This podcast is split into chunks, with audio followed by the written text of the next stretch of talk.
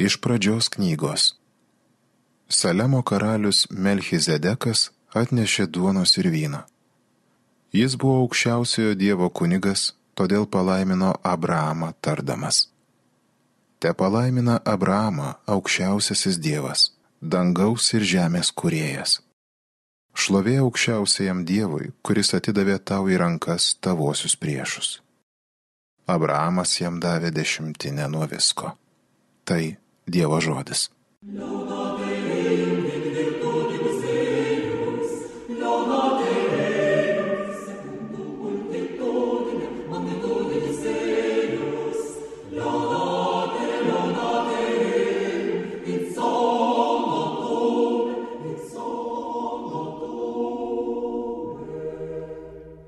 Amžiais tu kunigas kaip Melchizedekas.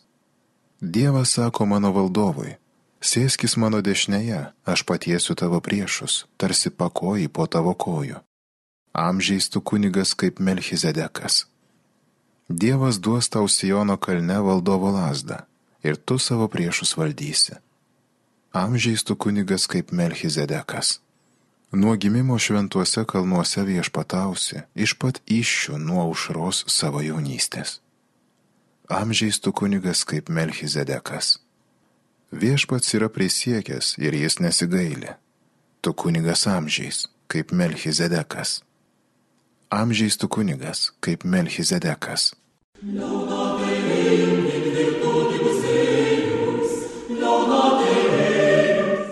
Iš Šventojo Paštalo Pauliaus pirmojo laiško korintiečiams. Broliai, aš tai gavau iš viešpaties ir tai perdaviau jums, kad viešpats Jėzus tą naktį, kurią buvo išduotas, paėmė duoną ir sukalbėjęs padėkos maldą, sulaužė ir tarė. Tai yra mano kūnas, kuris už jūs duodamas. Tai darykite mano atminimui. Tuo pačiu būdu po vakarienės jis paėmė taurę ir tarė ši taurė yra naujoji sandora mano kraujyje. Kiek kartų gersite, darykite tai mano atminimui. Taigi, kada tik valgote šitą duoną ir geriate iš šitos taurės, jūs kelbėte viešpaties mirtį, kol jis ateis. Tai Dievo žodis. Alleluja, alleluja, alleluja. Aš esu gyvoji duona, nužengusi iš dangaus sako viešpats. Kas valgys tą duoną, gyvens per amžius.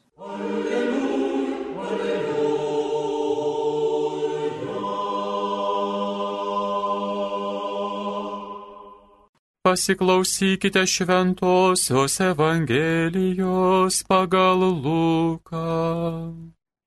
Jėzus kalbėjo žmonėms apie Dievo karalystę pagydė tuos, kuriems reikėjo gydymo.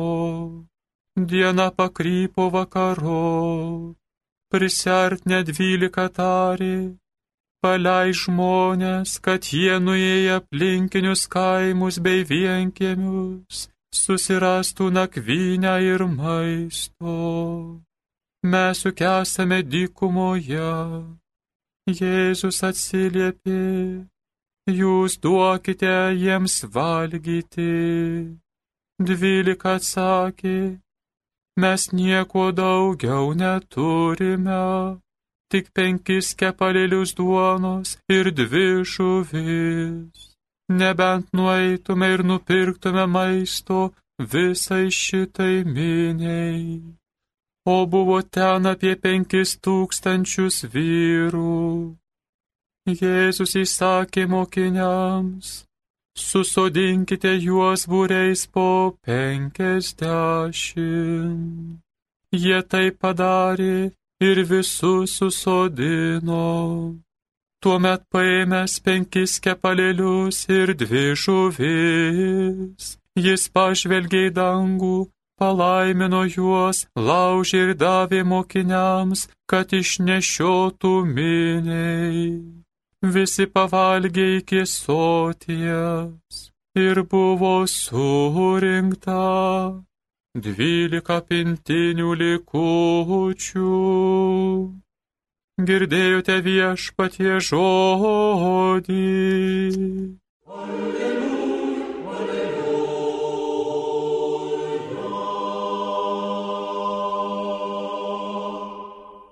Mėly Marijos radio klausytojai, devintinis mūsų tikinčiųjų brangiausia šventė, švenčiausiojo sakramento, Dievo kūno šventė.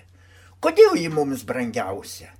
Dievo kūnas maitina mūsų dvasę, daro mus tikrai žmonėmis, duoda mums jėgų visose gyvenimo problemose. O ar visi žmonės taip vertina tą dvasios maistą? Deja, deja. Kartą Olandijoje burelis studentų nuėjo į bažnyčią pas katalikus. Buvo mišios. Iš tų 30 būrio studentų tik du buvo katalikai. Kiti iš įvairių nekatalikiškų kraštų. Po mišių nekatalikai studentai ir prašo, paaiškinkite, ką reiškia tos apėgos. Ką jūs sakytumėt, broliai seserys, jei taip jūsų prašytų paaiškinti, kokie kitų tikėjimų svetimtaučiai žmonės? Ar sugebėtumėte paaiškinti? Gaila, kad daugelis katalikų net patys nesusimasto, neįsigilina, neįsijaučia į dalyvavimą mišiose, į pamaldų prasmingumą ir todėl gana dėl menkos priežasties praleidžia šventadienio pamaldas. O tie katalikai studentai pradeda aiškinti. Tai Jėzaus Kristaus aukos pakartojimas, mūsų Dievo auka. Jis mirė ant kryžiaus, paukoja savo gyvenimą už žmoniją ir duoda mums valgyti savo kūną, kad būtume stiprus gyvenimo sunkumuose. Ir ragina visus, imkite ir valgykite. Ir žinote, kas atsitiko? Tie nekatalikai tiesiog nustebė. Jūsų Dievas aukojasi, atiduoda savo kūną ir daugelis jūsiškių neteina į tą Dievo auką. Juk pilnos gatvės žmonių tie svetimšaliai studentai tiesiog klausinėja, argi nėra jūsų Dievo įsakymo, kvietimo dalyvauti jo auko šventime? Katalikai studentai atsakė taip. Katalikams privalu šventadieniais dalyvauti toje aukoje. Ir įsivaizduokite, koks klausimas logiškai kilo tiems svetim šaliams.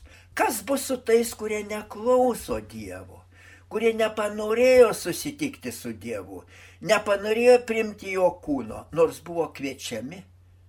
Ir tie studentai tiesiog nusigando, kad Dievo bausmė neištiktų visos žmonijos. O ką jūs, broliai ir seserys, atsakytumėte tokiems kitų tikėjimų studentams? galime atsakyti dažnai skambančiais Kristaus žodžiais. Kas nevalgo manęs, neturės gyvenimo. O kas valgo mane, bus gyvas per amžius. Argi nematome, kad tie studentai tikrai logiškai mąstantis. Ir argi nematome, kad Jėzaus žodžiai pildosi, kas nevalgo manęs, neturės gyvenimo. Ar turi gyvenimą tie, kurie atsisakė Dievo, atsisakė tikėjimo, šeimose pešasi, skiriasi ar net ėda vieni kitus. Ar turi normalų gyvenimą tie, kurie girtauja? Nereikia, nereikia man tęsti tų klausimų. Jūs patys dar daugiau matote, kaip daug žmonių dabar nebeturi normalaus gyvenimo. Dieve mano, kaip baisu, reiškia dalis tikinčiųjų renkasi dvasinę mirtį. Kodėl sakau tikinčiųjų? Jiegi pakrikštyti, prieimė kitus sakramentus - komuniją, sutvirtinimą ir tikrai laiko save tikinčiais.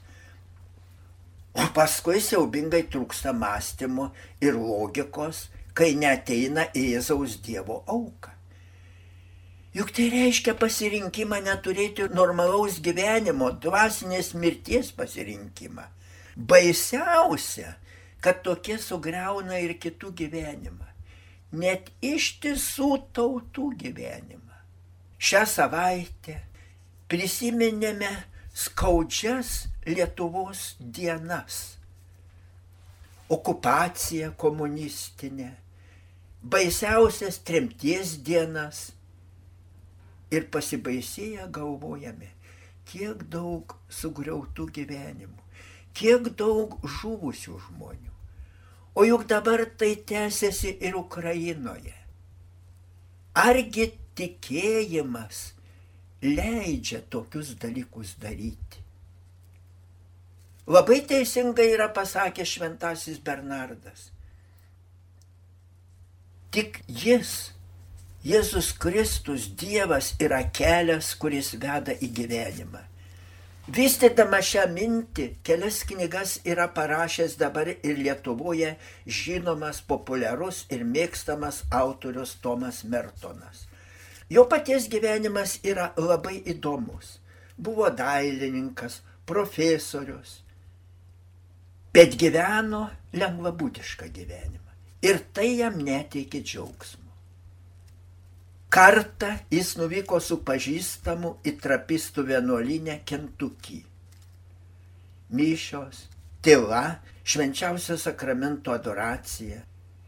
Kai jam paaiškino, kad šitaip vienuoliai ir atvykę žmonės bendrauja su pačiu Dievu, jis pasiliko tyloje net kelias dienas. Ir po didelių apmąstymų tapo uoliu kataliku. Vėliau jis pasakojo, neįmanoma kitaip. Ar gali protingas žmogus nebendrauti su Dievu, jei pats Dievas kviečia? Vėliau jis tapo trapistu, kunigu, kasdien visada ruodamas švenčiausiai sakramentą Dievą. Savo mąstymus jis surašė knygoje gyvoji duona knygoje paskirtoje švenčiausiojo sakramento garbiai. Čia jis pabrėžia, šventoji komunija nėra taip kaip kitas maistas, kurį mūsų organizmas paverčia, perdirba į savo kūną. Priešingai, viešpats Jėzus mus perdirba į save patį. Mes pasidarome jo dalis, panašus į jį. Ir šventasis Augustinas iškalbingai aiškina, kad primdami šventąją komuniją viešpatės kūną, mes patys daromės jos nariais. Koks suprantamas tų mąstytojų aiškinimas. Pasidarę panašus į Jėzų, priemė Jėzaus kūną, neždamėsi jį į savo gyvenimą, spinduliuojame tik geriu, darome tik gerą. Juk tai tiesiog nemirtingumą nešanti duona primena mums Jėzaus mokymą šventasis Ignotas Antiochietis. Tad argi mąstantis žmogus gali atsisakyti mišių aukos ir ką nors kitą pasirinkti. Tad pasakyk, sesė ir broli, ar mąstantys žmonės, tie žmonės, kurie vadina save katalikais, nors priemė pirmąją komuniją, nedalyvauja Kristaus aukoje. Juk tikrai tokių negalima pavadinti mąstančiais. Tikrai. Šventoji Teresėlė, kurią taip nuoširdžiai sutiko Lietuva, aiškina, dieviškasis išganytojas mišiuose iš dangaus nužengia ne tam, kad pasiliktų tabernakulyje. Ne, jis nori gyventi mūsų širdyse, kad juose kurtų dangų. O jei kas skundžiasi, kad dalyvavimas mišiuose ir net komunijos prieimimas nesukuria dangaus šeimose ir lieka daug sunkumų, tokiems atsako kardinolas Faulhaberis. Šventoji komunija kryžiaus nuo mūsų nenuima, tačiau duoda jėgų nešti kryžių. Štai, brangieji, dabar ir turime visi pagalvoti kaip mums padeda nešti gyvenimo kryžių pats Dievas. Daugelis lietuvių ir šiandien išvyksta uždarbiauti į vakarus. Kur kas sunkiau buvo pirmojo ir antrojo pasaulinių karų metais.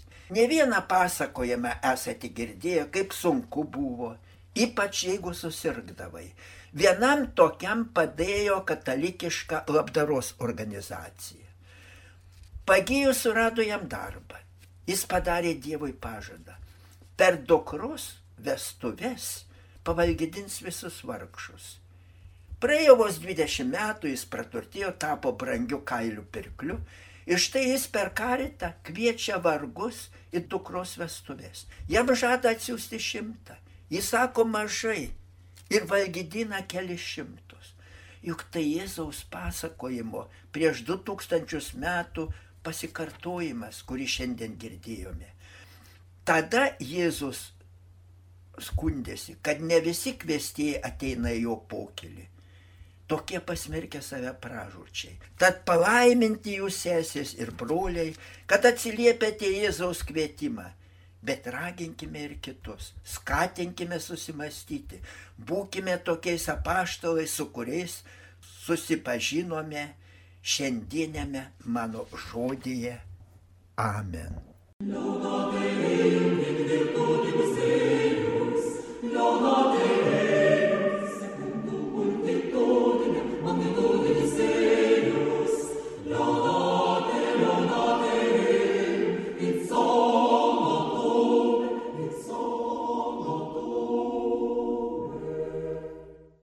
Evangeliją gėdojo kunigas daktaras Vilius Sikorskas. Homilyje sakė panevižio vyskupas emeritas Jonas Kauneckas.